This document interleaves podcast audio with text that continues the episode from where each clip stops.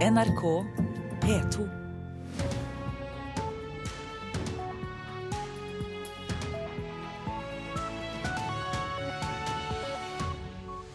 Ja, Nyhetsmorgen er programmet vi ønsker deg velkommen til nå tirsdag 17. mars. Dette er hovedsaker 6.30. Elleve danske skoleelever ble sendt til sykehus med røykskader etter brann i Høgset leirskole i Valdres. I fjor ble 88 alvorlige dataangrep rettet mot norske interesser. De vil jo skaffe seg kunnskap. Eh, de kartlegger virksomhetene godt. Eh, de vet hvordan de skal gå inn, og de vet hva de vil ha tak i. Anette Tjaberg, assisterende direktør i Nasjonal sikkerhetsmyndighet. USA laget kopi av, av iransk atomanlegg for å teste ut hvilke krav som må til for å hindre at landet skaffer seg atomvåpen. Og vi skal høre at innholdet i smuglersigaretter kan være ganske uappetittlig.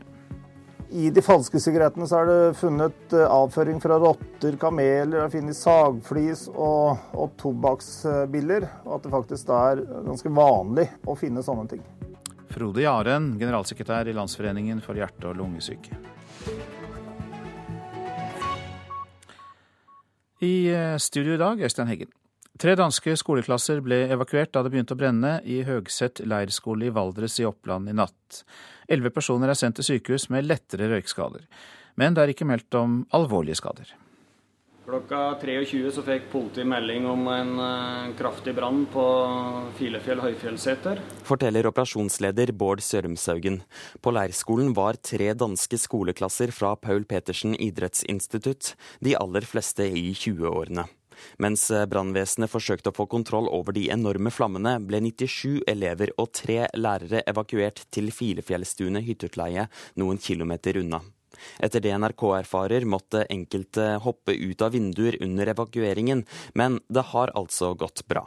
Det har etter forholdet gått bra. Alle ble evakuert ut og ned til Tynkrysset. Og eh, det var da elleve av elevene som eh, måtte videre til behandling på sykehuset i Lærdal for eh, lettere skader i forhold til, forhold til røykskade. Brannårsaken er foreløpig ikke kjent. Det meste av leirskolebygningen er nå totalt utbrent, og bare noen murer står igjen. Ordfører i Vang i Valdres, Vidar Eltun, er lettet over at ingen ble alvorlig skadd i brannen. Nei, det er jo veldig alltid tragisk med brann. Nå er jeg veldig glad for at det gikk så bra med alle som var i bygget. Og det er kjempebra jobba til alle som har vært med og bidraget her i kveld. Så det, det viktigste at alle er redda ut og i god behold. Vi har jo sett jo krisestab og, og, var klare til å bistå enda mer, men jeg skjønner at um, her har det fungert veldig bra. Så um, det, det er sånn det skal være. Reportere her Martin Holvik og Hallgrim Rogn.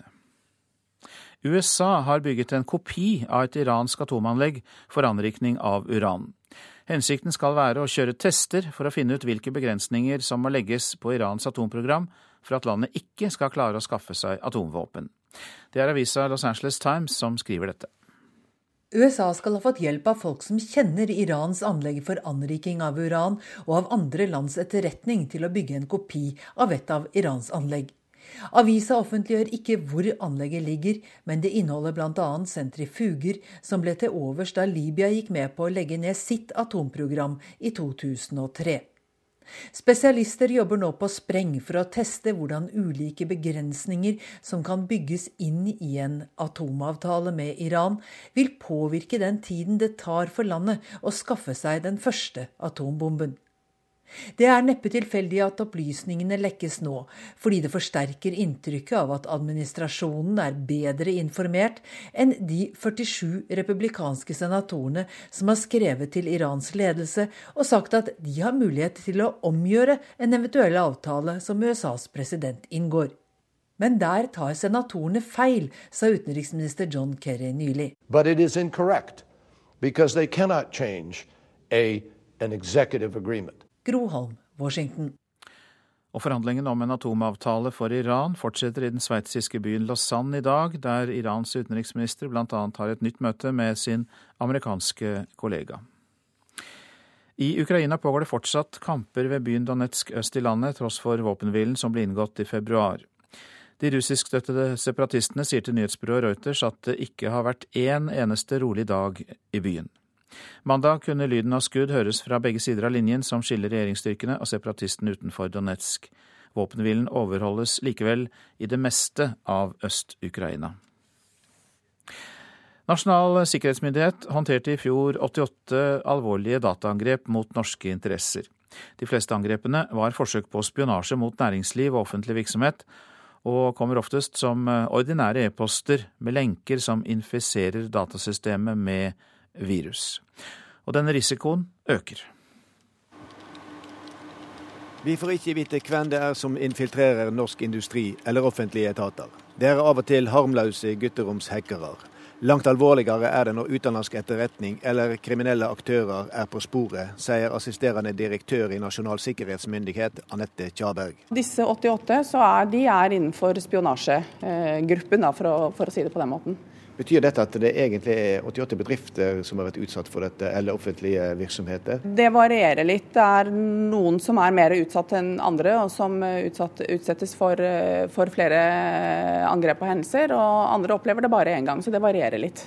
Er det de sjøl som avslører dette? Det varierer litt, det også. Noen ganger er det de selv som, som, oppdager det, andre ganger er det vi. Vi har et sensornettverk som er plassert rundt hos en rekke virksomheter med, med kritisk infrastruktur. Så hvis det går alarmer i det sensornettverket, så, så, reagerer vi på det. Men av og til oppdager de det selv også, hvis de får en rar e-post eller hvis det er noe, de ser noe i datasystemene sine. Er det bedrifter som har blitt overraska over at dere har kontakta dem? Ja, Noen ganger så er det nok det, men de tar det da på største alvor når, når vi oppretter dialog med dem.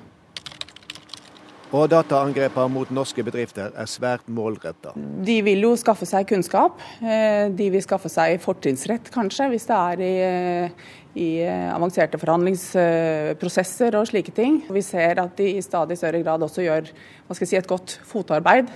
De kartlegger virksomhetene godt. De vet hvordan de skal gå inn, og de vet hva de vil ha tak i. Det er tredje gangen i år at vi hører ulv, ulv. Først ute var PST, så kom E-tjenester. Nå er det Nasjonal sikkerhetsmyndighet sin tur. Men de vet det er grunn til å varsle. Vi vet at virksomheter har blitt kompromittert. altså Dvs. Si at eh, de som har gått inn, har fått tak i informasjon.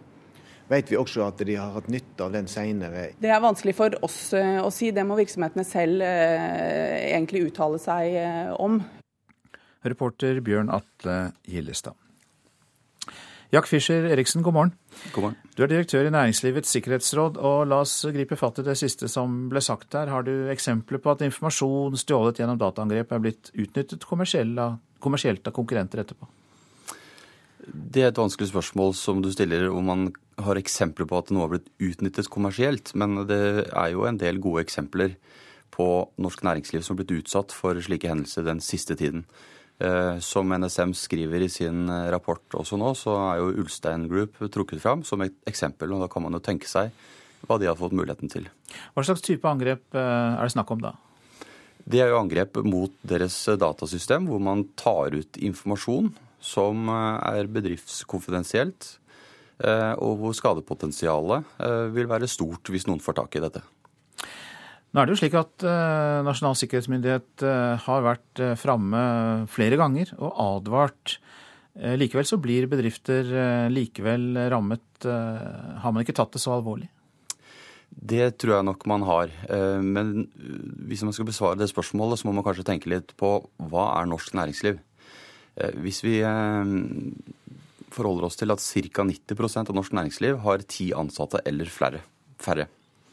Eh, videre kan vi si at rundt 670 bedrifter eh, har mer enn 250 ansatte. Så her er det jo stor forskjell på muligheten til å tenke sikkerhet. Og Det tror jeg er litt av årsaken. Eh, små og mellomstore bedrifter har ikke en egen sikkerhetsorganisasjon. De har kanskje ikke ansatte heller som tenker på sikkerhet og har det som daglig virke. Og det er klart det er vanskelig å nå fram med et slikt budskap til de. Derimot de store selskapene har slik kompetanse men blir sårbare gjennom eh, bl.a. underleverandører som eh, de samarbeider med og handler med. Og Hvilke tiltak anbefaler da dere i Næringslivets sikkerhetsråd at bedriftene setter inn? Det vi vanligvis sier, og det sier jeg kanskje til det kjedsommelige, det er at man eh, først og fremst må vurdere egne verdier. Det vi kaller en verdivurdering. Man må finne ut hvilke verdier har man i selskapet som man ikke kan tape, som man ikke må miste, som ikke andre må få tak i. Eh, og når man kjenner disse verdiene, så må man vurdere hvordan er sårbarhetene våre, slik at noen andre kan få tak i dette. Og så må man sikre og tette disse hullene. Et eksempel, som er et veldig enkelt råd, er å oppgradere programvare, f.eks. Svært mange gjør ikke det, og det er en del av sårbarhetene som utnyttes for å få tak i informasjon. Så man skal ikke nødvendigvis løpe og kjøpe nytt datautstyr og ny software. Man må faktisk tenke gjennom hva som er viktig å passe på og beholde i bedriften.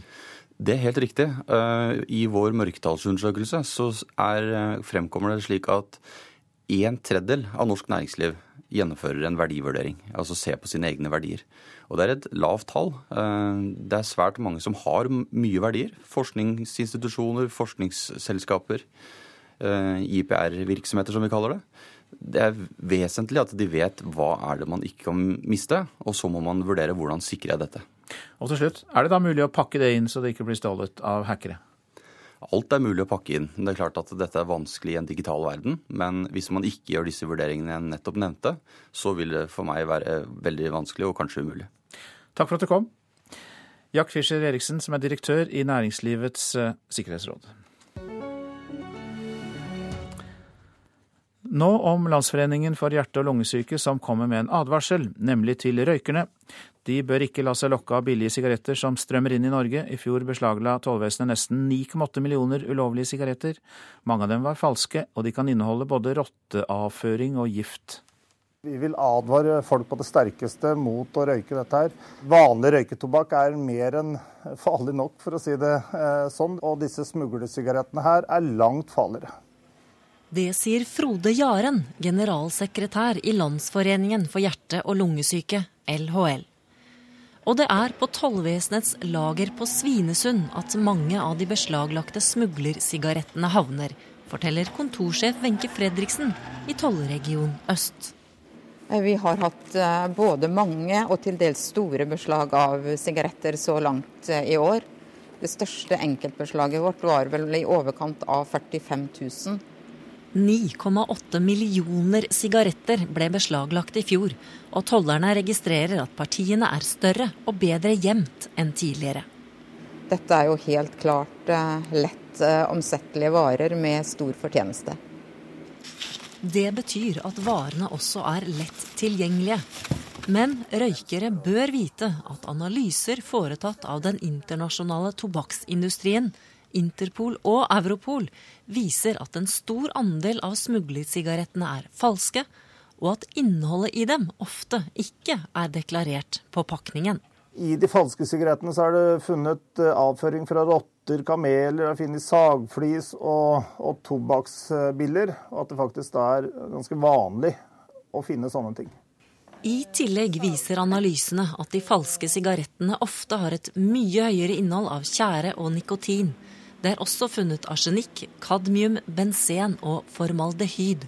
Folk må skjønne at dette her er svært, svært uh, giftig. Du har ingen kontroll på hva du får, uh, får i deg. Det er uh, akkurat som med smuglerspriten for noen år siden, hvor folk da drakk gift og, og døde.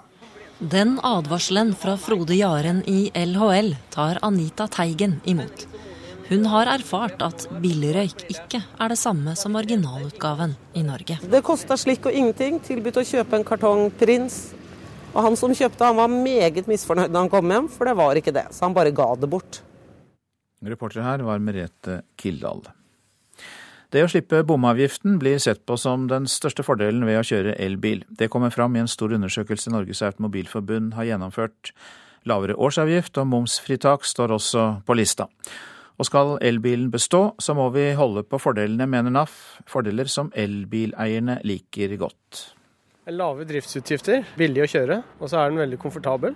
Mens bompengering, det er kjekt det også. Slippe å betale for bomringer og parkere gratis på Aker Brygge bl.a. Og eh, komme enkelt fram. Vi sparer avgifter, vi slipper å kjøpe bensin. Det er rimeligere drift. Du sparer miljøet for forurensning. Det er jo det viktigste elementet. Komplimentene står i kø når de skal beskrive sine elbiler. Og mange er enige med dem. Ifølge en stor elbilundersøkelse NAF har gjennomført, topper det å slippe bomavgiften listen over fordeler med elbiler. Overraskende? Nei, egentlig ikke. Sier Stig Sjøstad, administrerende direktør i NAF, og forklarer hvorfor. Bompenger, driftskostnader og hva det koster å kjøpe en bil, det er utrolig viktig når folk planlegger sin hverdagsreise. Og sånn sett vært et av grunnlagene for den eh, elbilsuksessen som har vært, at, at, det er gode insentiver knytta til å gjøre et, et, krevende valg for folk. Nærmere 50 000 personer tok selv initiativ til å delta i NAFs undersøkelse på nettet. Og de har rangert ni fordeler ved elbil. Lavere årsavgift og manglende moms er høyt på listen, men fri bruk av kollektivfelt havner nesten i bunnen. Og om elbilistene kunne klart seg uten denne fordelen, vil Sjøstad ikke svare på. Jeg vil ikke gå inn i den diskusjonen i hele tatt. Jeg tror det er summen av de insentivene som nå er, er en suksess. Ikke rør det. Nå må vi la dette få lov å bestå til vi har et marked som står på egne bein. I fjor rullet nesten 41 000 elbiler på veiene i Norge. Og for å få flere til å gå mot strømmen, må alle fordelene ved elbiler opprettholdes, mener Sjøstad. Markedet bærer kun på de politiske insentivene. Tar du bort de, så knekker hele markedet. Og Da har vi ikke noe elbilsalg i det hele tatt. Så her må man stå i det og ta ansvar for den suksessen man nå har skapt. Og det er disse elbileierne helt enig i, skal de kjøre elbil i fremtiden. Akkurat nå så er det jo eh, avgiftsfritak eh, fullstendig på elbilene. Og det er jo et veldig viktig incitament. da. Ja, fortsette helt til de stenger kollektivfeltet. Reporter her var Emilie Hellberg Saksæter. Avisene nå. Dommere trues med vold og drap. Jeg fikk bilde av en gravstøtte med navnet mitt på, forteller førstelagmann Sverre Nyhus til Aftenposten. Det siste året er 23 dommere blitt truet. Det er et angrep på hele vår rettsstat, men sier Nyhus. Politiet bruker millioner på å verne norske ytringer, kan vi lese i Vårt Land. Utgiftene til å beskytte arrangementer har økt betraktelig etter terrorangrepene i København og Paris, sier stabssjef i Oslo-politiet Johan Fredriksen. Norges allierte i krigen mot IS skaper avsky, skriver Klassekampen. Videoer viser tortur av sivile og posering med avkuttede hoder, overgrep utført av irakiske soldater og sjiamilits. Norske soldater skal snart til Irak for å hjelpe dem i krigen mot IS. Elbil i kollektivfeltet er helt greit, mener sju av ti nordmenn. Nasjonen omtaler undersøkelsen vi har hørt om tidligere i denne sendingen, som gir overveldende støtte til de fordelene eiere av elbiler har. Lønna kan komme til å øke mindre enn den har gjort på 25 år, kan vi lese i Dagsavisen. Økonomer i DNB og Nordea spår en reallønnsvekst på kun 0,5% Lånefinte ga skattelette på 530 millioner kroner til Statoil-stasjonene, er oppslaget i Dagens Næringsliv. De tok opp et lån på 15 milliarder fra sine nye canadiske eiere, Couchetar, og fikk dermed en solid skattebesparelse i Norge. Burde ikke vært lov, sier professor Jarle Møen ved Norges handelshøyskole. Snøscooterulykke var trolig flykrasj, kan vi lese i Nordlys. En mann ble sendt på sykehus etter det som ble meldt inn som en snøscooterulykke i Reisadalen i Nord-Troms, men nå har politiet funnet et styrtet mikrofly i området. De etterforsker saken, for uhell med fly skal alltid meldes inn til myndighetene. Unngå arvefella. VG gir råd om fordeling av arv uten at det oppstår konflikt, mens Dagbladet spør hva som er Vladimir Putins hemmelige spill, siden han var borte fra offentligheten i 260 timer. Et eh, bolighus eh, bak en kjempehøy hekk illustrerer at vi stenger oss mer og mer inne enn tidligere. Stavanger Aftenblad skriver om de lave, hvite stakittgjerdene som blir erstattet av høye gjerder eller hekker. Trist, vi går hjem i hulen vår, sier byantikvar Hanne Winsholt i Stavanger. Ishockey nå, og da står jo også Stavanger i fokus, for det er Stavanger Oilers som kan velge, og de velger seg Vålerenga i semifinalen i NM pga. Vålerengas svake sesong. Mange hadde trodd at Oilers skulle velge Sparta etter at kvartfinalene ble avsluttet i går, men altså, Oiler-direktør Paul Higsson foretrekker Vålerenga fordi Sarpsborg-laget har spilt så godt i det siste. Jeg syns eh, at Sparta har hatt en, eh, en, bedre sesong, og det viser vel for så vidt tabellen òg. Hatt en bedre sesong enn en Vålerenga. Og dermed ble veien til finalen kanskje litt vanskeligere for Vålerenga. I går kveld slo de Frisk Asker i kvartfinalen, og på fredag møter de altså regjerende mestere Stavanger Oilers. Nei, det var litt overraskende. Det var det. Jeg trodde Stavanger skulle velge Sparta, men de vil heller møte oss, og det, det gleder vi oss til. Det sier Vålerenga-trener Espen Knutsen, som tror hans lag kan slå fra seg i Stavanger. Vi har vunnet de to siste seriekampene mot dem, så eh, vi reiser opp dit med selvtillit, vi. Den siste kampen vi spilte hjemme mot Vålerenga var en kamp som ikke hadde noen betydning for oss. Eh, vi var, hadde vunnet serien på det tidspunktet. så Så vi legger ikke for altfor mye i det. Vålerenga-løper Morten Ask er optimistisk, og tror at hans lag kan ta seg til finalen. Ja da, vi er gode nok. Det er sju kamper, og er, alt kan skje. Så det er bare å krumme hempa og, og se videre. Men nå har ikke laget lenger råd til å være ujevne. Vi er på glid den ene dagen, og så er det dårlig smøring andre dagen, som noen andre sliter med òg.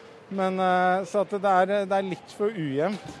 Når vi er gode, så er vi ordentlig gode, men når vi er dårlige, så er vi ordentlig dårlige òg. Oilers-direktør Pål Higson har selvsagt mest troen på egne gutter, for de må tåle favorittstempelet før de sju kampene skal spilles. Vi vant serien og de ble nummer eh, fem, så, så, det er klart at i utgangspunktet her er jo at, at vi er favoritt. Det må vi leve med i, i, eh, i, i den serien.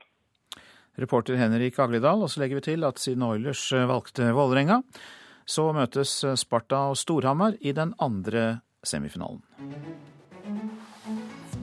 Klokka den er snart 6.51. Dette er hovedsaker. Elleve danske skoleelever ble sendt til sykehus med røykskader etter brann i Høgset leirskole i Valdres. Nasjonal sikkerhetsmyndighet håndterte i fjor 88 alvorlige dataangrep mot norske interesser. USA laget kopi av iransk atomanlegg for å teste ut hvilke krav som må til for å hindre at landet skaffer seg atomvåpen. Norges minste kommune ønsker seg flyktninger, men har likevel ikke fått noen. I hvert fall ikke i fjor. Over 5000 venter på bosetting i Norge, og ordfører på Utsira, Marte Eide Klovning, tar gjerne imot noen av dem. En må vektlegge det at eh, de flyktningene som skal komme til Utsira, ønsker det sjøl, og at de vet hva de kommer til. Marte Eide Klovning er ordfører for de rundt 200 menneskene som bor i øykommunen Utsira. Det er jo et spesielt og unikt samfunn. Det tar én time og ti minutter med båt fra Haugesund ut til Utsira. Kommunen er en av fire i Norge med færre enn 500 innbyggere, og har tidligere sagt nei til flyktninger, men i fjor sa de ja. Vi òg vil bidra. Med å, hvorfor ikke, egentlig? Det sitter 5000 bosetningsklare flyktninger på mottak i Norge. Utsira fikk ingen i fjor. Jeg undres på det hvis ikke kommunene får noen når de ber om det. For det er jo et, det er jo et prekær situasjon i Norge på det feltet sier KrF-politiker Geir Toskedal i kommunalkomiteen. Det er jo veldig synd hvis det ikke skjer, hvis en kommune er motivert og har ressurser til å ta imot, og det ikke skjer. Så hvis det er tilfellet, så må vi få undersøkt hva det er. Utfordringen er jo at det er en liten kommune. Eh, det er litt viktig at vi får til en, en god tilpasning mellom kommunen og de flyktningene som skal bosettes der. Det sier assisterende avdelingsdirektør Bente Blytt i Integrerings- og mangfoldsdirektoratet IMDi Vest. Det som er at Utsira ønsker en, eh, en, familie eh, som skal bo der. og Per dags dato er de fleste som sitter i, i, mottakene, de er enslige. Det vi tenker det er viktig her, er å få til en god dialog med disse kommunene, sånn at vi får til en god. Svært få av kommunene med under 1000 innbyggere i Norge tok imot flyktninger i fjor, av ulike årsaker. Om kort tid skal det nå endelig komme to flyktninger til Utsira.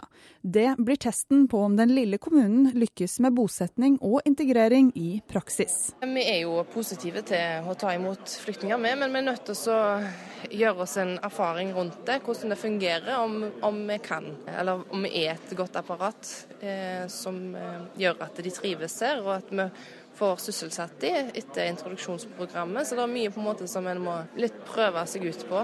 Og for de som får nytt bosted i en øykommune som Utsira, gjør sjøveien sitt for at noen egenskaper er viktigere enn andre. At en må være sjøsterke hvis en skal pendle til Haugesund. Må ta litt bølger. Må gjøre det. Mm. Reportere her Thomas Halleland og Inger Johanne Stenberg. Seksuell utpressing på nettet fører til at flere søker hjelp hos veiledningstjenesten slettmeg.no. Nylig ble en norsk mann i 30-årene presset for flere tusen kroner etter å ha kledd av seg det han trodde var en privat webkamerasamtale. Han ønsker ikke å bli gjenkjent, så vi har derfor forvrengt stemmen hans. Denne personen eh, er da ei ung jente som egentlig eh, ganske med en gang begynner å kle av seg og ber meg om å gjøre det samme. og ja, litt etter litt så er det ganske full nakenhet inne i bildet. Denne mannen i 30-årene fikk en ubehagelig opplevelse da han for noen uker siden møtte en ung dame på et datingnettsted. Han ønska ikke å bli gjenkjent, og vi har derfor forvrengt stemmen hans. Etter å ha kastet klærne i det han trodde var en privat webkamerasamtale, fikk han en truende melding. Etter et minutts tid så får jeg en video der de selvfølgelig har filma meg. Da kommer det utpressingstrusler om at de vil eh, legge det ut til eh, samtlige på min vennliste på Facebook. Og jeg er nødt til å betale 4000 kroner for å unngå at det skjer. For å forhindre at en nakenvideo av ham skulle spres til alle Facebook-vennene hans, ble han bedt om å betale disse menneskene 4000 norske kroner. Han er ikke alene om å oppleve dette. Vi ser at eh, den type saker som du nevner her, er ganske blir flere og flere av de. Hans Marius Tessem er leder for råd- og veiledningstjenesten slettmeg.no. I 2014 opplevde de en økning på 20% av antallet henvendelser fra folk som følte seg krenket på nett. Han bekrefter at stadig flere av de som tar kontakt med dem, er offer for seksuell utpressing på nett. Og I 2014 så har vi sett en klar økning hvor at, at man bruker sånn type innhold til å presse enten for penger men vi har òg sett tilfeller hvor man presser for eh, seksuelle tjenester. Denne formen for seksuell utpressing kalles av internasjonalt politi for sextortion. Og tidligere i år kom det frem at denne typen organisert kriminalitet er en av politiets hovedutfordringer.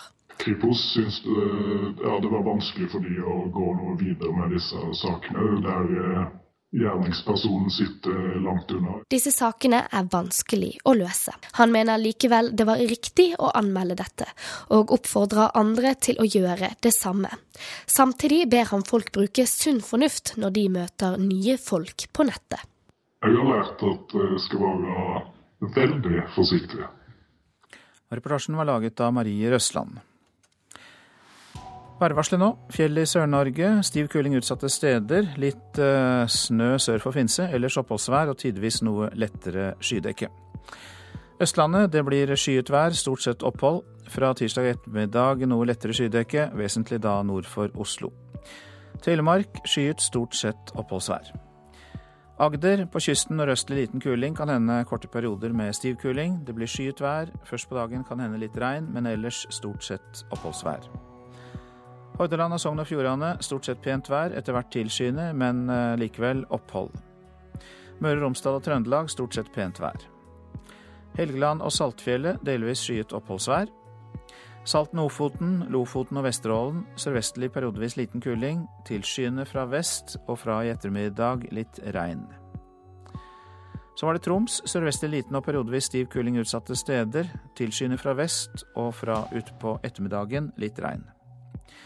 Finnmark sørvestlig stiv kuling utsatte steder. Gradvis tilskyende. I kveld litt regn i nord- og vestlige deler av Finnmark. Nordensjøland på Spitsbergen skyet eller delvis skyet oppholdsvær. Så går vi til temperaturene, som ble målt klokka fire. Svalbard lufthavn minus ti. Kirkenes har vi ikke fått inn i dag, men Vardø har vi fått inn med null. Alta minus én. Tromsø, Langnes og Bodø begge pluss fire. Brønnøysund seks. Trondheim-Værnes sju. Molde og Bergen-Flesland pluss tre. Stavanger sju. Kristiansand-Kjevik fem. Gardermoen og Lillehammer pluss én grad. Røros to. Og Oslo-Blindern fire grader. Du lytter til eh, Nyhetsmorgen. Vi eh, får nå eh, ganske snart, snart Dagsnytt, og deretter fortsetter vi bl.a. med å snakke om barnehagene våre. Om de gir nok utfordringer til barna fysisk. Og så minner vi om nettstedet radio.nrk.no, altså radio.nrk.no, der du kan lytte til alle NRKs radiokanaler. Og du kan også lete deg fram til tidligere sendte programmer.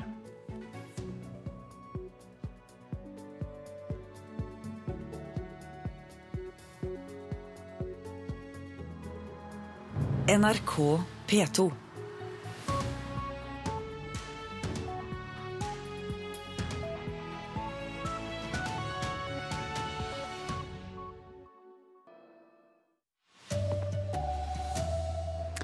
Elleve skoleelever ble sendt til sykehus etter brann på en leirskole i Valdres i natt. Leke. Så har jeg grille bål og leker opp trærne. Barnehagebarn må ut i naturen for å få beveget seg nok. Lekeplassen blir for ensformig, mener forskere. Her er NRK Dagsnytt klokka sju. Tre danske skoleklasser ble evakuerte da Høgsete leirskole i Valdres i Oppland brant ned til grunnen i natt. Elleve personer er sendt til sykehus med lettere røykskader. Det er ikke meldt om alvorlige skader. Varebrannsjef i Vang, Ove Martin Stende, forteller hvordan det så ut da han kom til skolen. Det var jo full overtenning i uh, hoveddelen av leirskolen eksplosiv brann med veldig stor varmeutvikling. Så derfor så gikk vel konsentrasjonen vår på å redde bygg som lå rundt, i stedet for å se på å redde hotellet. Det var veldig mye folk der. 100 ungdommer og noen lærere fra en skole i Danmark. Hvordan hadde de det da dere kom? Så Vi møtte jo hele, hele flokken kan du si, på vei opp der, de siste 100 meterne. Men jeg fikk jo veldig raskt konstatert at alle, da hadde telling på at alle var ute. Og det, det var jo det som sto i hodet mitt, kan du si. At det, var, det var, det var utkommet. Intervjuer var Anne Næsheim. To menn er dømt i en av de største prostitusjonssakene her i landet noensinne, skriver Dagbladet. Den ene fikk fem års fengsel, medan den andre 30 dager. Politiet mener de to mennene ordna framleie av 23 bosteder, skaffa kunder og svarte på telefoner for mellom 50 og 60 prostituerte mellom juli 2012 og august 2014. Saka gikk i Oslo tingrett. Barnehagebarn må ut i naturen for å få brukt kroppen nok. Det viser en undersøking fra Høgskolen i Oslo og Akershus. Uteplassene i barnehagene er for ensformige, og de voksne har ikke tid til å involvere seg i leiken der. Det sier første lektor ved Høgskolen i Oslo og Akershus, Heidi Osnes. Vi tror at det, det, kan være litt kjedelige utelekeplasser. Det er flatt, det er lite variasjon. og dette utstyret som står plassert rundt omkring, er veldig énløsningsorientert. Også I tillegg så er det lite voksne der ute. For i denne tida, som da er utetida, bruker de ansatte ofte til lunsjavvikling og til møtevirksomhet. Våre deltidsstudenter sier jo at det, det, er en holdning om at bare barna er ute på utelekeplassen, så får de herja og utløp for energien sin. Og hvis ikke det skjer, så syns jeg jo det er betenkelig. NRK Dagsnytt var ved Ingvild Ryssdal. Nyhetsmorgen fortsetter med disse sakene. Når matvareprisene stiger, er det Norges rikeste familier som tjener mest på det. Og vi spør om lekeplassene i barnehagene er for kjedelige, etter det vi nettopp hørte i Dagsnytt. Hvordan skal vi gi de små nok fysiske utfordringer? Britisk politi henvender seg direkte til muslimske mødre for å hindre at unge jenter verver seg til IS. Og I dag er det valg i Israel. Mer usikkert eh, hva resultatet blir enn eh, på lenge. Og Vi skal også få høre at det skrives ulvedagbok i Trysil, for der syns folk den er blitt for nærgående. En ny undersøkelse viser at det er dagligvarebutikkene som stikker av med mesteparten av fortjenesten når prisene går opp. Det betyr at det er noen av landets rikeste familier som tjener på prisstigningen, og ikke de som produserer maten. Jeg tror jeg hadde kjøpt enda mer frukt, hadde ikke vært for at det er så dyrt. Det er ikke alltid du kan lage en flott gourmetrett akkurat pga. det. Nå er vi første gang ute og planlegger hva vi skal spise til middag i hele uken. Så må begynne å planlegge litt mer når man skal bli en familie. Så da må vi planlegge ukens retter. Ellers så handler vi jo hver dag det vi skal til middag samme dagen. Og da blir det ofte dyrt. Det siste året har matprisene økt 3% Året før økte den 5% ifølge tall fra SSB. En ny rapport fra analyseselskapet Oslo Economics viser at det er landets aller rikeste personer, familier bak butikkjeder som Kiwi, Meny og Rema 1000, som tjener mest når prisene stiger. Ikke de som produserer maten. Randi Flesland i Forbrukerrådet mener konkurransen må bli bedre for å sørge for at dagligvarekjedene ikke kan ta mer for mat enn nødvendig. Denne rapporten viser helt klart at konkurransen mellom kjedene er for lav. Realiteten er at når kjedene faktisk kan ta høyere priser på merkevarene, og heller ikke videreføre rabattene som de får fra leverandøren til oss forbrukere, så betaler vi forbrukere kunstig høye priser. Det er grunn til å være spørrende til eh, de resultatene de kommer med her. Sier Ingvild Størksen, direktør i Virke, som har de fleste dagligvarekjedene som medlemmer. Undersøkelsen stemmer ikke med det bildet Virke har av prisøkningen på mat. Tallene vi har fra Statistisk sentralbyrå viser at prisøkningen inn til kjeden, altså fra leverandørene, har vært mye høyere enn prisøkningen eh, ut til kundene. Vi hadde selvfølgelig gjerne sett at det var hardere konkurranse.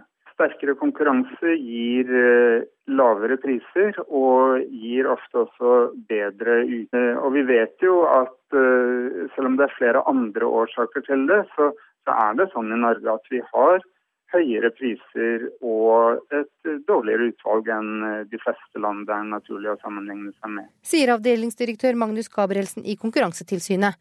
Det er de som har ansvaret for å følge med på konkurransen i dagligvarehandelen i Norge. Hvis du ser på sånn uh, liten pakk som inneholder kanskje 300 gram, og det koster 50 kroner, det er ikke verdt å kjøpe og handle. Så derfor handler veldig mange norske i Sverige. Vil du ha en pose? 111 kroner, takk. Vær så god. Reporter var Bjørn Olav Nordahl, og du kan bli med bak kulissene i norsk dagligvarebransje i kveld, når Brennpunkt viser matvarekrigen på NRK1. Skal barnehagebarn bevege seg nok, er det ikke tilstrekkelig at de oppholder seg ute på lekeplassen. De må ut i naturen for å få opp pulsen. Det viser en undersøkelse fra forskere på Høgskolen i Oslo og Akershus. Kongle, søsken og kongler. Du ser og så skal gå på neste post i Naturstien. Blant frosker, tre og planter er barna i barnehagen Margarinfabrikken i Oslo på oppdagingsferd med studenter fra barnehagelærerutdanninga ved Høgskolen i Oslo og Akershus. Det er her i naturen at barn som fem år gamle Snorre er mest aktive. Vi aker og leker. Og så går jeg hjem og spiser middag. På selve lekeplassen utenfor barnehagene er intensiteten på leken ikke noe høyere enn det den er innendørs. Det kan være litt kjedelige utelekeplasser, sier førstelektor ved Høgskolen i Oslo og Akershus, Heid Osnes. Det er flatt, det er lite variasjon, og dette utstyret som står plassert rundt omkring er veldig enløsningsorientert. Det er ikke mye variasjon i de bevegelsene barna kan gjøre. Sammen med forskerkollega Hilde Nancy Skaug har Osnes kartlagt aktivitetsnivået til barn i over 200 ulike barnehager i Oslo-området. Det viser seg òg at barna er mer aktive når de voksne er med på leiken, og det er de oftere ute i skogen enn på lekeplassen ved barnehagene. Det viser seg jo at i utetida, når man snakker om frilek og barna skal liksom holde på som de selv vil, så avvikler personalet eh, møter, og de har lunsj. Og Det er også sjelden, ut fra våre eh, deltidsstudenter, hva de rapporterer, så er det ikke ofte man tenker direkte pedagogisk opplegg knytta til bevegelse, kroppslig lek på utelekeplassen. Avdelingsdirektør i Helsedirektoratet, Jakob Linhave, mener at også foreldre må ta sin del av ansvaret. Jeg tenker Det er viktig at de barnehageansatte er bevisst på at barna skal være fysisk aktive. Til sist er det også et ansvar vi foreldre har med at vi skal passe på at barna våre er aktive. At vi tar dem med ut, gir dem opplevelser og sørger for at vi legger gode rutiner tidlig i livet. Og barna i margarinfabrikken har mange ting de liker å gjøre når de er ute i naturen. Leke. Så har jeg grilla bål og leker opp i trærne. Da var det mange gode forslag som eh, vår reporter Marte Njåstad hadde plukket med seg. Asken Nilsen, god morgen til deg. Takk, takk. Du er fra konsulentselskapet Covid, du er landskapsarkitekt, du har skrevet doktorgrad om barnehager og areal i Oslo. Det er rette mann for oss i dag. Syns du lekeplassene er for kjedelige? Ja, jeg kan nok være enig i det, at mange av dem er kjedelige. Eh, men dette henger sammen med arealstørrelsen og det som er tilgjengelig areal. Det er klart at Når du har et veldig lite areal, eller kanskje ikke noe areal i det hele tatt, så er det veldig vanskelig å få til noe som helst.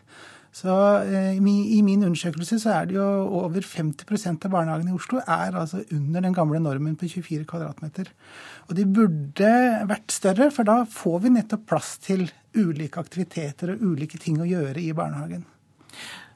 Da er det på en måte økonomien som setter begrensninger, da, for det kan vel nettopp være årsaken til at arealene er så små? Vi mangler rett og slett et regelverk som gir ungene rett til areal. Eh, I dag har vi ikke krav til lekeareal til barn i norske barnehager. Det ble tatt bort til 2006. Men bilen derimot, den skal ha plass. Søpla skal ha plass. Brannbilen skal komme fram, selvfølgelig. Men altså, alle de kravene som har et regelverk som sier at du skal ha, vinner selvfølgelig arealkampen i den tette byen. Bilen får bolte seg, men ikke barna. Dette mm. høres ikke bra ut. Eh, hva syns du vi skal gjøre da, i tillegg til da å legge dette inn i lovverket igjen, det som ble fjernet, at barna har krav på areal? Jeg eh, fant alle disse funnene for Oslo, eh, og målte arealene i Oslo. Og så spurte jeg kollegaene mine. Jeg sendte ut en Questback-undersøkelse til alle landskapsarkitektene i Norge, som er medlem av organisasjonen vår, og fikk masse innspill. Men det som er hovedessensen, er jo at eh, landskapsarkitektene, som jo er oss som oftest får lov til å prosjektere barnehager, vi ønsker oss et tydelig arealkrav. Og vi ønsker oss tilbake til normen på 24 kvadratmeter. Askild Nilsen, beskriv drømmebarnehagen din. Den er opp mot en 2000 kvadratmeter stor i lekearealet. For da, selv om det kanskje er mange barn i den barnehagen, så får vi allikevel plass til mange ulike lekeaktiviteter. Vi kan få til noen døde arealer på en måte som da at det er igjen litt naturrester. Vi kan få litt terrengformer. Det står igjen noen trær som vi ikke måtte vike når vi bygde det nye huset. Vi, vi får inn litt gressplen som kanskje ikke blir slitt bort alltid. Eh, så vi får det grønt, og vi får det allsidig. Er, mens vi venter på alt dette, som virkelig er eh, det man burde ønske seg, er det noen muligheter for de som er ansatt i barnehagene til å rette opp dette? Hva kan de gjøre med det lille arealet de tross alt bare har? Det er klart, Er man kreativ, så kan man få til ganske mye. Eh, men eh, jeg syns det er viktig at, eh, at, flere stemmer kommer på banen. At både de ansatte og pedagogene og landskapsarkitektene og planleggerne At flere og flere nå tydelig etterspør at vi må verne om ungenes rett til areal. Vi må begynne der.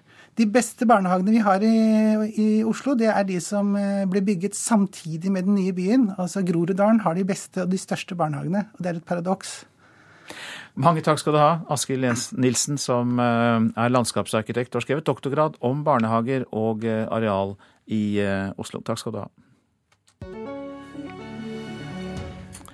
Tre danske skoleklasser ble evakuert da det begynte å brenne i Høgset leirskole i Valdres i Oppland i natt. Elleve personer ble sendt til sykehus med lettere røykskader, men det er ikke meldt om alvorlige skader. Klokka 23 så fikk politiet melding om en uh, kraftig brann på Filefjell høyfjellseter. Forteller operasjonsleder Bård Sørumshaugen. På leirskolen var tre danske skoleklasser fra Paul Petersen idrettsinstitutt, de aller fleste i 20-årene. Mens eh, brannvesenet forsøkte å få kontroll over de enorme flammene, ble 97 elever og tre lærere evakuert til Filefjellstuene hytteutleie noen kilometer unna. Etter det NRK erfarer, måtte enkelte hoppe ut av vinduer under evakueringen, men det har altså gått bra. Det har etter forholdet gått bra. Alle ble evakuert ut og ned til Tynkrysset. Og eh, det var da elleve av elevene som eh, måtte videre til behandling på sykehuset i Lærdal for eh, lettere skade i forhold til, forhold til røykskade. Brannårsaken er foreløpig ikke kjent. Det meste av leirskolebygningen er nå totalt utbrent, og bare noen murer står igjen. Ordfører i Vang i Valdres, Vidar Eltun, er lettet over at ingen ble alvorlig skadd i brannen. Nei, det er jo veldig alltid tragisk med brann. Nå er jeg veldig glad for at det gikk så bra med alle som var i bygget. Og det er kjempebra jobba til alle som har vært med å bidra her i kveld. Så det, det viktigste er at alle er redda ut og i god behold. Vi har jo sett jo krisestab og, og, var klare til å bistå enda mer, men jeg skjønner at um, her har det fungert veldig bra. Så um, det, det er sånn det skal være. Reportere Martin Holvik og Hallgrim Rogn. Klokka passerte nettopp 7.14. Dette er hovedsaker.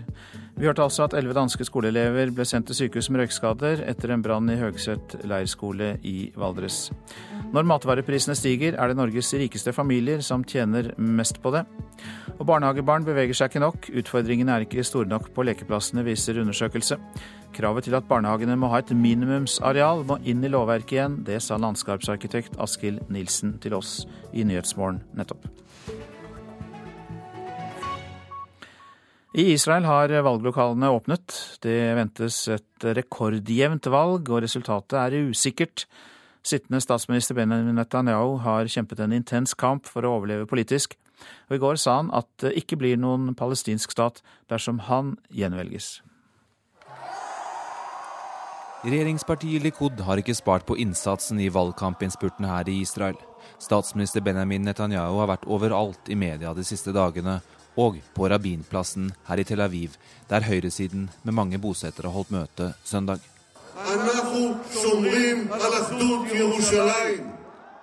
Vi beskytter foreningen av Jerusalem. Vi bygger i Jerusalem. Og det gjør ikke venstresiden. Dette vil ikke Livni og Bushi gjøre, sa han, og pekte på sine to hovedrivaler som sammen leder Sionistunionen. Bushi er kallenavnet på Arbeiderpartiets leder Isag Herzog. Det er han som kan erstatte Netanyahu som statsminister etter dagens valg. Og det er en trussel som Likud og Netanyahu nå tar på alvor. Netanyahus retorikk har hardnet til.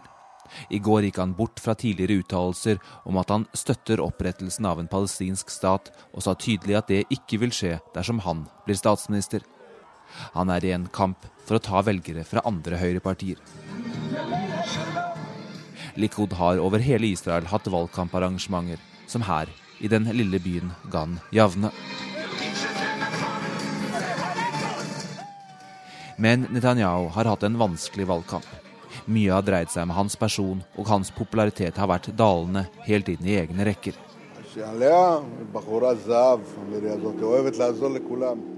Likud har alltid tatt vare på oss, og ikke på våre arabiske fettere. Men problemet nå er mannen på toppen, sier Yate Confino, som vi treffer i byen. Han kommer likevel til å stemme på Likud denne gangen, slik han har gjort hele livet. For det er en grunn til at dette partiet har vært statsbærende den siste generasjonen, deres velgere er trofaste. Spørsmålet er om det holder denne gangen. Fredag var siste dag det var lovlig å offentliggjøre meningsmålinger, og da lå Likud gjennomsnittlig tre-fire mandater bak Herzog og Sionistunionen.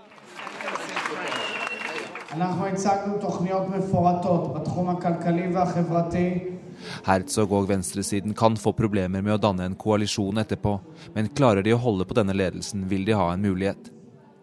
Det spekuleres også her i Israel om det ikke kan ende med en avtale med en slags samlingsregjering, der Herzog og Netanyahu gjør en avtale om å styre landet i to år hver. Sigurd Falkenberg Mikkelsen, Tel Aviv, Israel. Marte Heian Engdahl, du er doktorgradsstipendiat ved Universitetet i Oslo. Velkommen til Nyhetsmorgen. Takk. Ja, kan du liste opp hovedforskjellene på hovedmotstanderne i dette valget? Eh, hvis vi tar utgangspunkt i det de har sagt eh, i valgkampen, så er det en av de tingene som er, faktisk er vanskelig å gjøre. Fordi det har vært en valgkamp prega veldig lite av substans. Det har vært veldig mye støy eh, rundt andre ting, spesielt som Falkemer Mikkelsen sier eh, i reportasjen om Netanyahu og hans person og personlighet. Eh, men eh, fra et internasjonalt perspektiv så er det ikke noe tvil om at eh, Netanyahu og Likud skiller seg fra sionistunionen i spørsmålet om hva man skal gjøre med konflikten med palestinerne. Ja, og Netanyahu sier jo nå da for første gang at han ikke støtter en tostatsløsning. Hvilken innvirkning kan det ha på valget? Sier han det for å øke sjansene for å bli valgt? Ja, det gjør han. Han er helt avhengig av de stemmene som er til høyre for eh, Likud, for å greie å konkurrere med Sinistunionen, virker det som nå. Og det er jo et av problemene eh, i denne valgkampen og i det israelske politiske systemet generelt, at småpartiene splitter både høyre- og venstrestemmen eh, veldig opp, sånn at ingen ender med å få nok, stort nok mandat til å regjere alene. Men selv om Sionistunionen, Yitzhak Herzog og hans allierte, han er jo da fra Arbeiderpartiet, vil eh, skulle vinne valget, er jo det slett ikke noen garanti for at det blir noe fortgang i noen fredssamtaler med palestinerne? På ingen måte. Er, hvis eh, Sionistunionen og Herzog skulle gjøre et godt nok eh, valg til at eh, det er dem som blir eh, for flest eh, seter, så er det fortsatt et veldig puslespill for dem å få på plass en koalisjonsregjering som det lar seg styre i noen grad. Ja, for det er jo innført en, eh, en grense for småpartiene denne gangen, men den er likevel kanskje så lav at det blir mange småpartier? Eh, mange småpartier vil det uansett være. Den er helt riktig heva til 3,5 nå. Eh, og det ser ut eh, den mannen som sto bak forslaget om å gjøre det, var jo eh, Liebermann, som nå er eh, utenriksministeren. Og det ser ut til å være en skikkelig politisk bumerang, for det, han er faktisk en av dem som står i fare for å ikke greie å kare seg over sperregrensa sjøl. Men likevel er det altså et puslespill for å sette sammen en regjering? Ja, det er det. Og den, det alt snakket om den arabiske felleslista, det er jo de liggende til og det å komme som en konsekvens av nettopp eh, loven om å heve sperregrensa. Så slo de seg sammen, eh, så de nå ser ut til å eh, få eh, bli det tredje største partiet, ifølge de tidlige meningsmålingene. Eh, og de kan, sannsynligvis kommer ikke de inn i en regjering, om så Sionistunionen eh, skulle, men de kan få en minister, eh, kanskje. Men det vil være et viktig støtteparti. Den virkelige kingmakeren, som man kaller det i israelsk valgkamp nå, ser ut til å være Moshe Kahlon, som er den eneste som ikke har sagt noe om hvem han vil anbefale til statsministerkandidaturet når valget er over. Han sitter stille i båten og venter på å få være med uansett hvilken vei det går. Tida går, men helt til slutt eh, et spørsmål som under valg i mange andre land ville vært eh, viktig, men kanskje ikke Israel. Jeg vet ikke. Altså, det er jo stadig flere som lever under fattigdomsgrensa. Har eh, rik og fattig økonomi hatt betydning?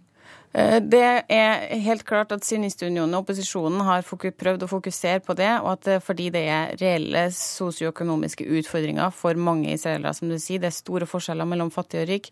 Det er mange israelere som lever under fattigdomsgrensa, og til å være et i-land så står det ikke særlig bra til på økonomisk side.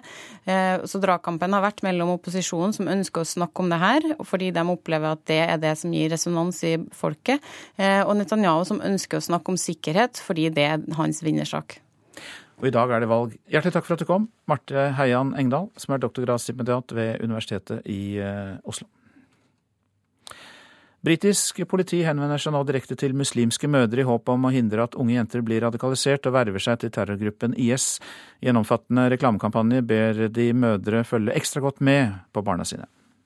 We know that the strong bond between a mother and daughter can have a powerful influence on a young woman. Denne radioreklamen fra antiterrorpolitiet i London går i øyeblikket på åtte store radiostasjoner, i tillegg til en rekke aviskampanjer på flere språk. Den henvender seg til muslimske mødre, Håpet er å unngå at enda flere unge blir radikalisert og reiser til den såkalte islamske staten IS, slik tre tenåringsjenter nylig gjorde fra London.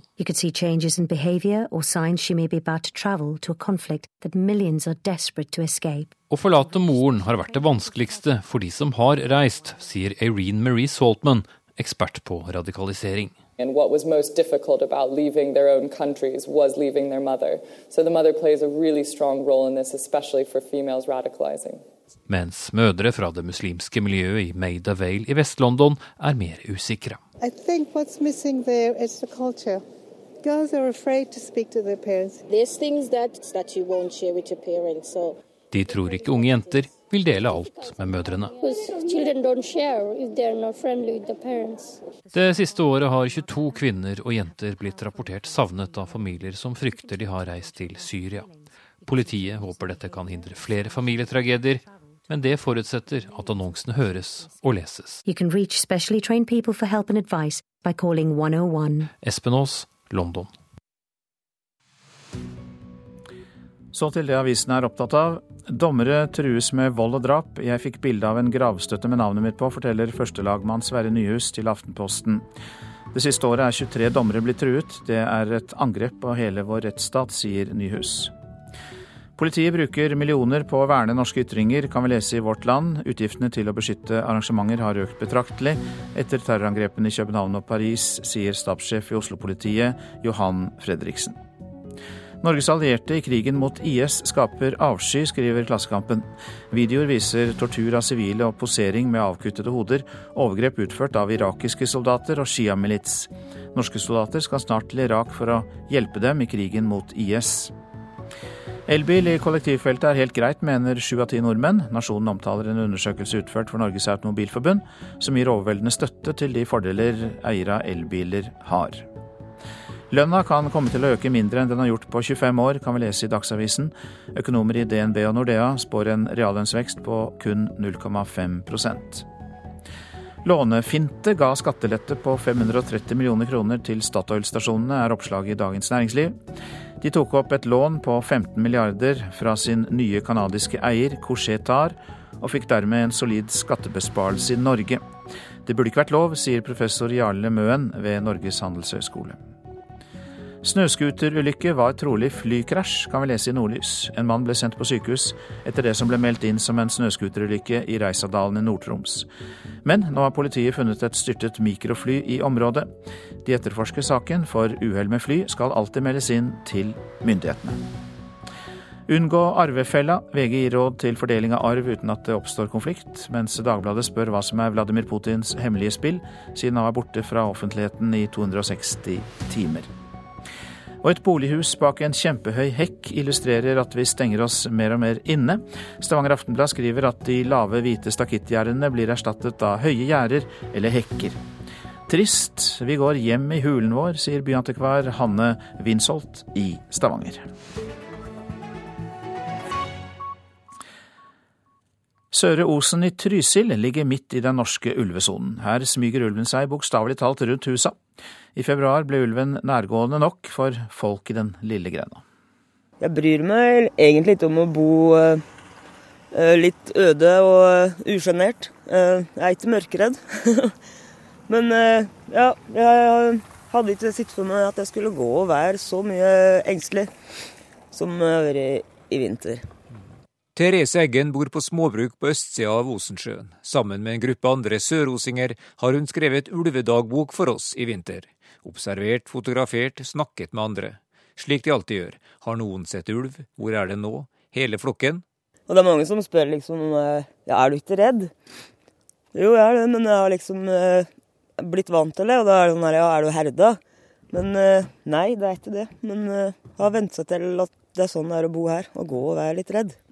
Ulvespor på tomta, to meter fra inngangsdøra, noterer Wenche Brunken 29.1. Hun bor på vestsida av Osensjøen. Da um, fikk jeg det liksom litt for nære innpå meg. Og det er ikke noe artig når en har tre hunder som en eh, går mye tur med i skog og mark, og liksom har vært vant til å bare kunne slippe ut, så de får gjøre sitt fornødne og kute mm. fritt på gardsplassen. Det har de ikke gjort siden da. Nesten hver dag gjennom februar er det noen som ser spor, ofte helt inntil husa, i hundegården, ved stallen, på gårdsplassen. En hytteeier fotograferer to ulver på isen. Hverdagen blir ikke som før. Wenche Brunken pleier å gå masse tur med hundene. Nå er det ikke det samme lenger. Du titter deg litt ekstra over økselet når du går tur, og jeg er redd for å møte på ulven. Jeg er det. 12. februar noterer Therese Eggen at det er ulvespor overalt, hver dag her. En dag så hun den. Da satt jeg i sofaen og så på den gjennom stuevinduet. Ja, da gikk den på jordet. Hun synes ulven er et flott dyr, men den er finere på bilder enn på ditt eget tun. Det er ikke før du sitter og sier dem i stuevinduet at de går på ditt eget uh, gardstun og håra reiser seg, at jeg virkelig fikk skjønne åssen det opplevdes. Jeg klarte ikke å sette meg inn i det.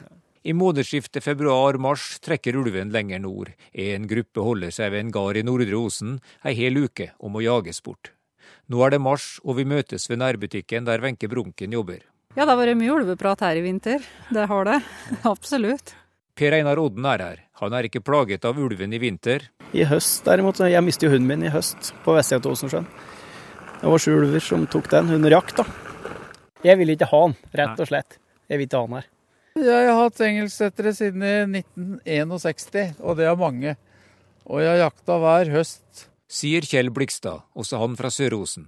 Men nå de to siste høstene kan jeg ikke slippe hund i egen skog. Da syns jeg det har gått for langt. Og nei, det er helt utrivelig. Å f.eks. ta med seg små unger i skogen og plukke bær, det er ingen som tør å være med deg lenger. Sånn har det blitt. Og reporter i Trysil var Per eh, Magnussen. Produsent for Nyhetsmorgen i dag, Katrine Nybø. Her i studio, Øystein Heggen. De siste 500 årene har vært vanskelige for Amerikas urfolk, men nå kommer det positive nyheter. Mer i reportasjen etter Dagsnytt. Og debatt om heltid, deltid og turnus, det får du i Politisk kvarter mellom Arbeiderpartiet og Høyre. Og vi skal også høre at en tidligere listetopp i Senterpartiet lager konkurrerende bygdeliste i Tromsø.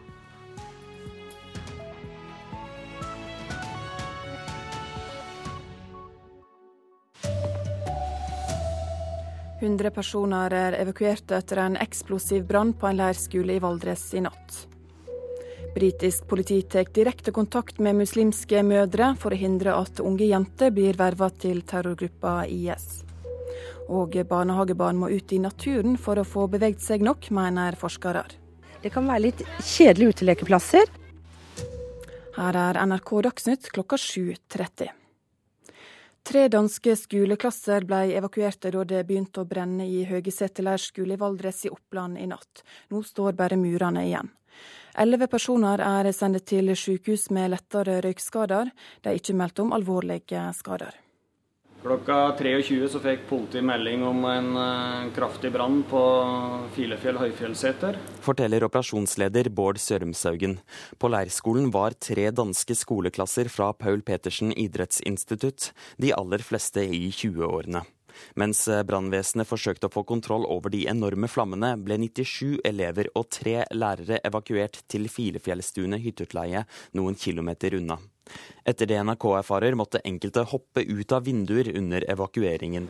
Det har etter forholdet gått bra. Alle ble evakuert ut og ned til Tynkrysset. Og eh, det var da elleve av elevene som eh, måtte videre til behandling på sykehuset i Lærdal for lettere skade i forhold til i forhold til røykskaden. Brannårsaken er foreløpig ikke kjent. Det meste av leirskolebygningen er nå totalt utbrent, og bare noen murer står igjen.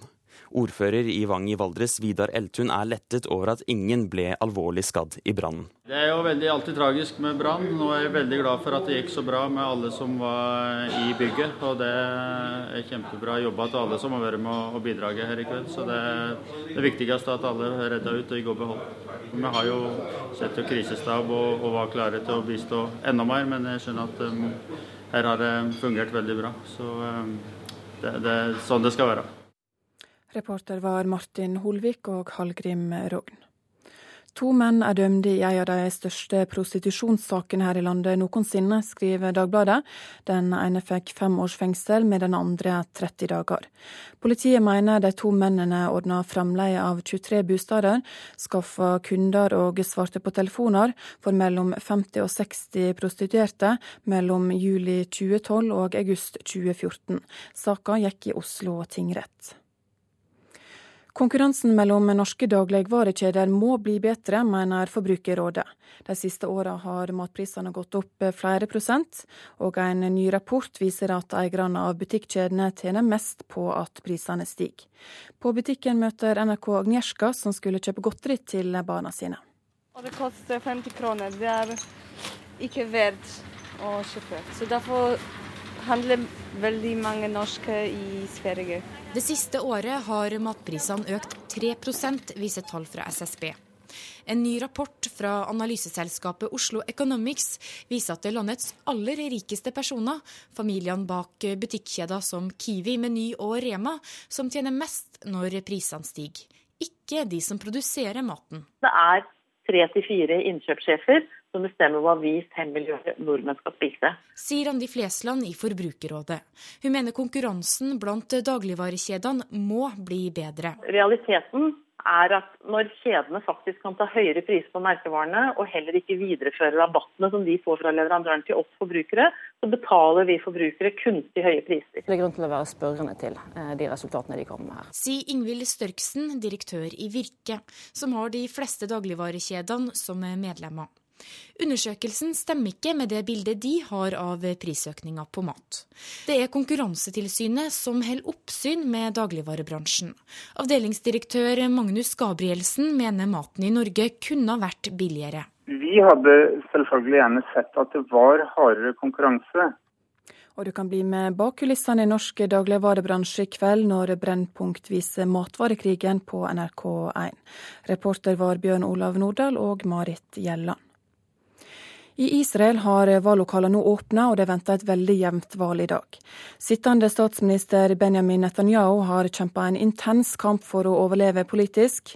Mot Netanyahus blokk står Sionistunionen, en valgallianse av det israelske arbeiderpartiet og partiet Hatnoa. Valglokalene stenger klokka 21 i kveld. Britisk politi tar direkte kontakt med muslimske mødre i håp om å hindre at unge jenter blir radikaliserte og verva til terrorgruppa IS.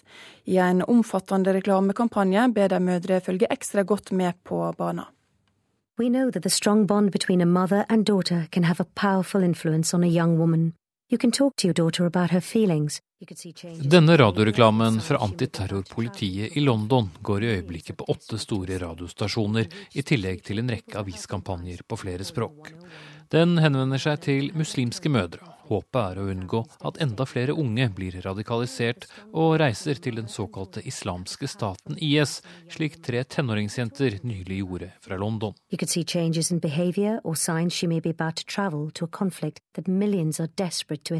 Å forlate moren har vært det vanskeligste for de som har reist, sier Irene Marie Saltman, ekspert på radikalisering. Det siste året har 22 kvinner og jenter blitt rapportert savnet av familier som frykter de har reist til Syria. Politiet håper dette kan hindre flere familietragedier, men det forutsetter at annonsene høres og leses. Espen Aas, London. Terrorgruppa Boko Haram er drevet ut av byen Bama nordøst i Nigeria. Det hevder nigerians nigerianske regjeringsstyrker. Også byen Gondris skal være gjenerobra av styresmaktene, noe som blir sett på som en viktig siger. Boko Haram vil danne en islamsk stat nord i Nigeria og i områder i nabolandene Niger, Tsjad og Kamerun. Barnehagebarn må ut i naturen for å få nok aktivitet, for eh, lekeplassen blir for flat og lite variert. Det viser en undersøking fra Høgskolen i Oslo og Akershus. Kongelig, søsken og kongelig. Gå på neste post i naturstien. Blant frosker, tre og planter er barna i barnehagen Margarinfabrikken i Oslo på oppdagingsferd med studenter fra barnehagelærerutdanninga ved Høgskolen i Oslo og Akershus. Det er her i naturen at barn som fem år gamle Snorre er mest aktive. Vi aker og leker. Og så går jeg hjem og spiser middag. På selve lekeplassen utenfor barnehagene er intensiteten på leken ikke noe høyere enn det den er innendørs. Det kan være litt kjedelige utelekeplasser. Sier førstelektor ved Høgskolen i Oslo og Akershus, Heid Osnes. Det er flatt, det er lite variasjon. og dette utstyret som står plassert rundt omkring, er veldig enløsningsorientert. Sammen med forskerkollega Hilde Nancy Skaug har Osnes kartlagt aktivitetsnivået til barn i over 200 ulike barnehager i Oslo-området. Det viser seg òg at barna er mer aktive når de voksne er med på leiken, og det er de oftere ute i skogen enn på lekeplassen ved barnehagene. Det viser seg jo at i utetida, når man snakker om frilek og barna skal liksom holde på som de selv vil, så avvikler personalet eh, møter, og de har lunsj. Og det er også sjelden, ut fra våre eh, deltidsstudenter, hva de rapporterer, så er det ikke ofte man tenker direkte pedagogiske opplegg knytta til kroppslig lek på utelekeplassen. Reporter var Marte Njåstad. Nasjonal sikkerhetsmyndighet håndterte i fjor 88 alvorlige dataangrep mot norske interesser. Dette var forsøk på spionasje mot næringsliv og offentlige virksomheter. Angrepene kommer ofte via e-poster som infiserer datasystemer med virus. Vi får ikke vite hvem det er som infiltrerer norsk industri eller offentlige etater. Det er av og til harmløse gutteromshackere. Langt alvorligere er det når utenlandsk etterretning eller kriminelle aktører er på sporet, sier assisterende direktør i Nasjonal sikkerhetsmyndighet, Anette Tjaberg. Disse 88 så er, de er innenfor spionasjegruppen, for, å, for å si det på den måten. Er det de sjøl som avslører dette? Det varierer litt, det også. Noen ganger er det de selv som, som oppdager det, andre ganger er det vi. Er det bedrifter som har blitt eh, overraska over at dere har kontakta dem? Ja, noen ganger så eh, er det nok det, men de tar det da på største alvor når, eh, når vi oppretter dialog med dem. Reporter Bjørn Atle Gildestad. Nettsamfunnet Facebook vil nå tillate bilder av småbarnsmødre som ammer, skriver BBC. Facebook har fått mye kritikk for moralistiske regler, bl.a. når det gjelder publisering av bilder med mye hud. I de nye retningslinjene er det også lagt ned forbud mot hatytringer og støtting av terrorgrupper. Ansvarlig for denne sendinga var Bjørn Christian Jacobsen. Det tekniske ansvaret har Hanne Lunås. Her i studio Ingvild Ryssdal.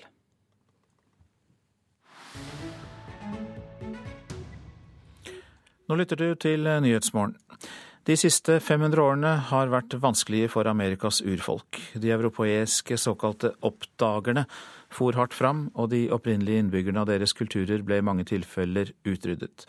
Men nå kommer det positive nyheter, rapporterer Arnt Stefansen fra Rio de Janeiro. Mapuche-lederen Rosita Kinyenao leder et rituale i indianernes gamle kjerneland Araucania i det sørlige Chile. Mapuche-folket hersket over jord, luft og vann her i Araucania i flere tusen år men i dag er det lite igjen av deres stolte arv. Nesten all jorda er tatt fra dem, og deres kultur har vært under et voldsomt press de siste hundre årene. Men vi har overlevd takket være vår styrke og våre rike tradisjoner, sier Rosita Kinyenau. Det har vært vanskelig. Som alle andre urfolk her i Latin-Amerika har vi hatt det vanskelig. Men vi har fortsatt folk blant oss som skjønner betydningen av å bevare våre røtter. Vi må for all del ikke miste det gamle, for det er der vi finner kjærligheten, respekten og forståelsen av verden som ethvert menneske bør ha, sier Mapuche-lederen. Selv om indianernes historie de siste hundre årene har vært en dyp tragedie, så er det nå enkelte lyspunkter. Undersøkelser fra FN-organisasjonen Økonomisk forum for Latin-Amerika og Karibia viser at Latin-Amerikas urbefolkning nå er i rask vekst, og at stadig flere identifiserer seg som indianere. Journalisten og mapuche-indianeren Francisco Kakilpan gleder seg over utviklingen. Språket vårt er i ferd med å styrke seg. Det samme gjelder kulturen. Og man er i dag stolt av å være mapuche. Slik var det ikke for 30-40 år siden. Tidligere var det forbundet med skam å være indianer, og vi ble utsatt for alle mulige former for stereotyper, at vi var late, at vi var alkoholisert osv. Men i dag er det sjelden vi møter slike fordommer, og i det offentlige rom er det forbudt å komme med slike ytringer her i Chile, sier journalisten. Ifølge FN-organisasjonen har tallet på registrerte indianere i Latin-Amerika økt med mer enn 50% det siste drøye tiåret. Fra drøyt 30 til nærmere 50 millioner. En av årsakene er bedre helse og levekår, som har ført til høyere fødselstall og lengre levealder. En annen er at stadig flere registrerer seg som urfolk etter tidligere å ha holdt dette skjult. Men selv om det er lyspunkter for Latin-Amerikas urfolk, så er utfordringene enorme.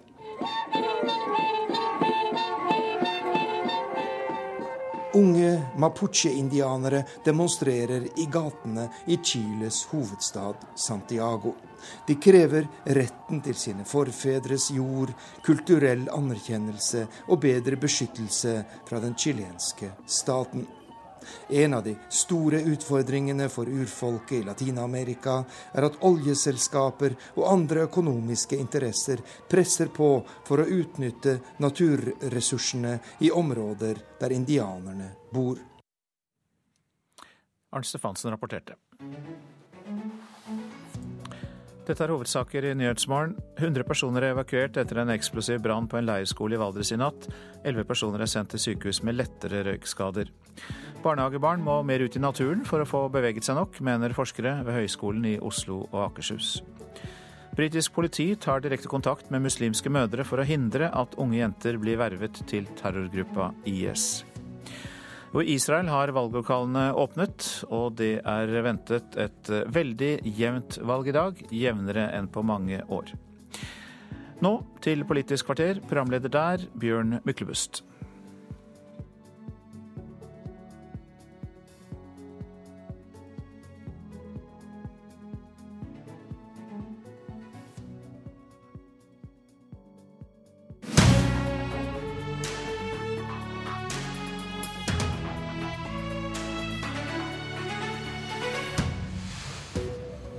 Vi har to påstander, og begge kan umulig være sanne. Hvis man får bestemme turnusen på den enkelte arbeidsplass, vil det føre til mindre deltid og mer heltidsarbeid. Eller å la den enkelte arbeidsplass bestemme er en slu form for fagforeningsknusing. Sannhet, løgn eller bare politikk i ett politisk kvarter? Vi skal også en tur til Tromsø, der vi hører et lokalt ekko av bråket som i sin tid felte en partileder. Men vi begynner med bølgene etter at de fire borgerlige partiene ble enige om endringer i arbeidsmiljøloven. Og påstand én, den er din, Stefan Heggelund fra Høyre. Hvordan vil lokalt bestemte turnuser føre til mindre ufrivillig deltid? Det vil det, fordi det tar direkte tak i den helgeproblematikken som er mye av utfordringen. For mange kvinner jobber deltid i Norge i dag, ufrivillig deltid. Det er en form for arbeidsledighet som vi må bekjempe. Vårt forslag det fungerer både i teori og i empiri. Det har støtte i begge deler. Eh, Skift, ta teorien først. Skift turnusutvalget la frem sin rapport i 2008. Der sa de at man måtte ha forslag som tok tak i det man kaller for helgeproblematikken, altså bemanningsbehovet i helgene. Når man lar folk få lov, lokalt ansatte, lokale tillitsvalgte, til å bestemme mer over sin egen arbeidstid, mer over sin egen turnus, så blir det enklere å løse slike turnusutfordringer. Så ser vi i empirien Ta jordmødrene på sykehuset i Vestfold, der en tredjedel av de som er med på en forsøksordning, har fått økt stillingsbrøk. Eller akuttpsykiatrisk avdeling ved sykehuset i Telemark, der all ufrivillig deltid er fjernet. Dette fungerer, og derfor er det viktig at vi gjennomfører det. Men slike enkelteksempler, kan det bevise påstanden din? Vil det vise i hvert fall at det fungerer også empirisk, når man også mener at det fungerer i teorien. Påstand to, Anette Trettebergstuen fra Arbeiderpartiet. Hvordan vil dette slå ut? Ja, Det er ikke vår påstand at det er fagforeningsknusing, men jeg er enig i det meste av det Heggelund her sier. At eh, langvakter og alternative turnuser kan være med på å bidra til å få løst opp i ufrivillig eh, deltid og, deltidsproblematikken mange steder. Og det er også derfor dette er mulig og, og skjer i dag. Eh, man kan jobbe på ulike alternative måter etter lokale ønsker, og ni av ti arbeidsplasser som ønsker det, får slike muligheter til å jobbe annerledes fordi at det er til det beste for de ansatte, for, for brukerne og for, for, virksomhetene. Eh, derfor så har vi den muligheten i dag, og den ønsker vi å beholde.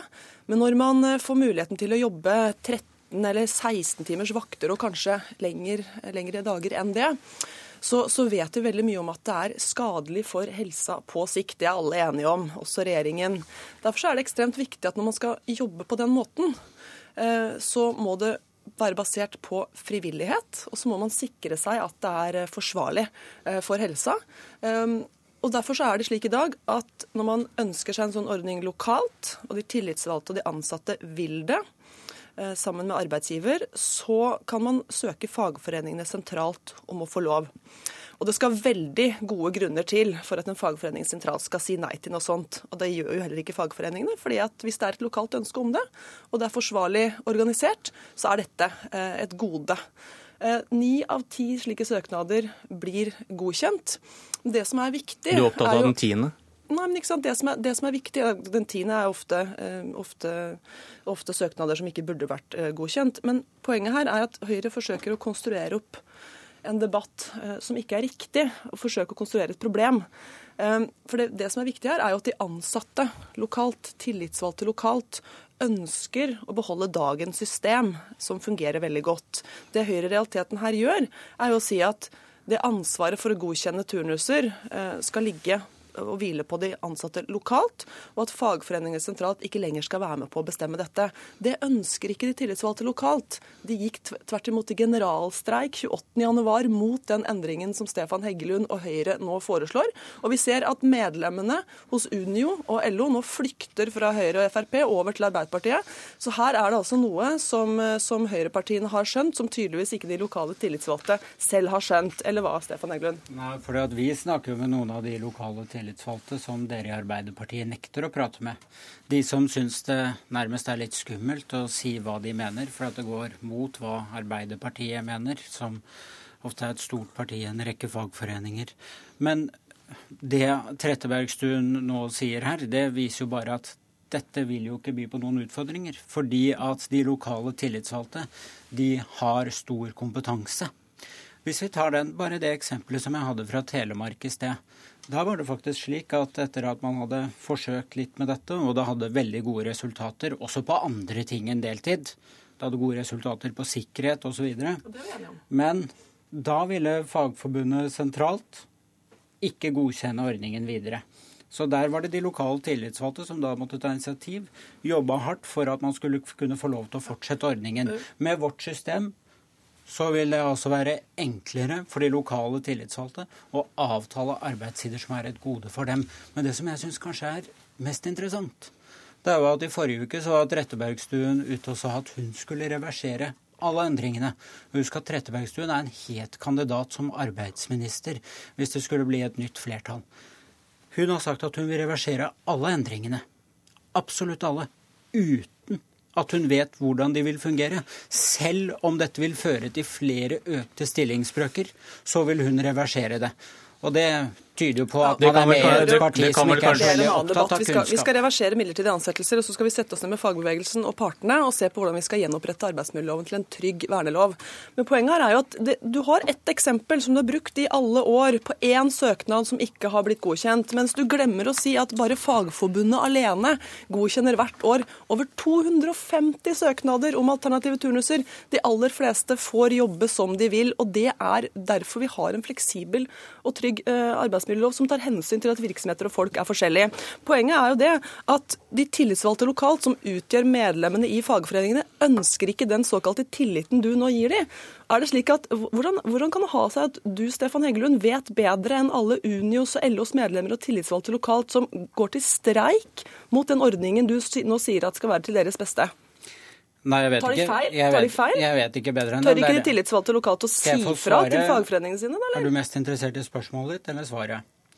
Jeg vet ikke bedre enn dem, og det er akkurat derfor jeg sier at de skal få lov til å bestemme mer. De skal få lov til å bestemme mer over arbeidssiden sin. Men det som jeg syns var ganske spennende nå, det var at Trettebergstuen sa nå skal vi diskutere hva man skal reversere. Altså, Er ikke det litt interessant? I forrige uke Men så sa du i synder dere, synder dere ikke begge der, Heggelund? Du sier at hun ikke vil vente på resultatene. Du selv har vel også konkludert før du ser hvordan dette vil virke om noen år? Nei, men det som er vanlig, Du sier du har rett. Det som er ganske vanlig når man skal lage politiske forslag, er jo for det første at noe utredes. Dette, dette med heltids, deltidsproblematikken er blitt utredet flere ganger, men Skift turnusutvalget er en viktig utredning, sier at man må ta tak i helgeproblematikken. Og så kan man jo se på forsøk der man har hatt forsøk, og så ser man at ja, i Ommen så har de ikke ganske gode resultater der også, på også mange flere områder enn heltid-deltid. Men slik og da er det i sier vi at det går fint hvis de lokale tillitsvalgte får lov til å bestemme mer. Resultatene nå- av det er et gode. Nå endres reglene. Begge kan åpenbart ikke ha rett. Og tror dere at en av dere vil sitte her om noen år etter at den nye loven har fått virke og innrømme at jeg tok feil? Ja, men dette, dette, Er det- er det- dette fungerer i dag. Det eneste Høyre og regjeringen her foreslår, er at de tillitsvalgte lokalt må ta mer ansvar selv og, og få, en, få et ansvar de ikke ønsker. Men er dette mål, spør, skal være spørsmål. I mitt spørsmål så ligger det er dette målbart. Kan man isolere effekten av det vi snakker om her, for å se hva resultatene blir? Eller vil det være så mye på utsida som gjør at man kan snakke seg bort fra det? Vi vet mye om dette fra før, at denne type langvakter eh, det kan virke positivt. Eh, Men vi ser også at all erfaring viser at etter en stund så ønsker ikke mange ansatte å jobbe på den måten, så det kan ha uheldig effekt på sikt. Og Det er derfor det er så ekstremt viktig at man sikrer seg at det er forsvarlig for helsa, og at det er basert på frivillighet. De tillitsvalgte lokalt ønsker ikke endring i systemet. Dagens system fungerer godt, det er ubyråkratisk, de fleste får det som de vil. Hva it if To av tre som jobber deltid, eh, ville jobbet mer dersom de kunne bestemme mer over sin egen arbeidstid. Det er det vi ønsker å gi folk muligheten til. Velkommen tilbake om noen år, så kan vi se om det er noen som har fått rett. Hjertelig.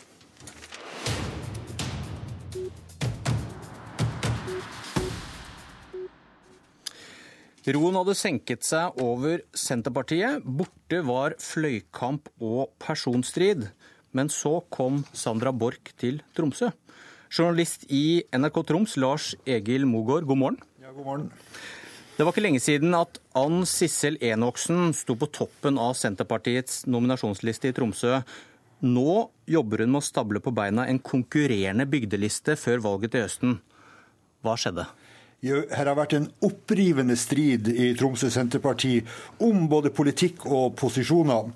Enoksen har jo i flere perioder stått øverst på kommunevalglista og var også leder av kommunepartiet. Og den lista som ble lagt fram opprinnelig foran høstens valg, der hadde jo veldig mye av slektningene på. Det ble reist veldig kraftig kritikk mot listeforslaget, og en fløy med, med nye innvalgte medlemmer jobba for å få eh, endra den lista der. Og på nominasjonsmøtet før eh, jul så vant jo den alternative lista hvor også Sandra Borch var med. Eh, resultatet var jo da at eh, at Enoksen og, og, og, styret nå har gått av, og dermed har begynt å etablere en ny alternativ liste. For dere som ikke husker, hvem er Sandra Borch? Ja, hun var leder i to perioder i Senterungdommen, i en stormfull periode. Eh, ikke minst så husker vi jo striden hun hadde med Liv Signa Navarsete. Og eh, hun var jo sentral i fløykampen mellom Ola Borten Moe og, og, og eh, Navarsete, og tok jo parti for Ola Borten Moe. Hvordan finner man igjen denne konflikten nasjonalt i den konflikten vi ser i Tromsø Senterparti? Vi kan ta oljesaka, der eh, Sandra Borch og hennes eh, medspillere eh, ønska oljeboring utenfor Lofoten, Vesterålen og Senja.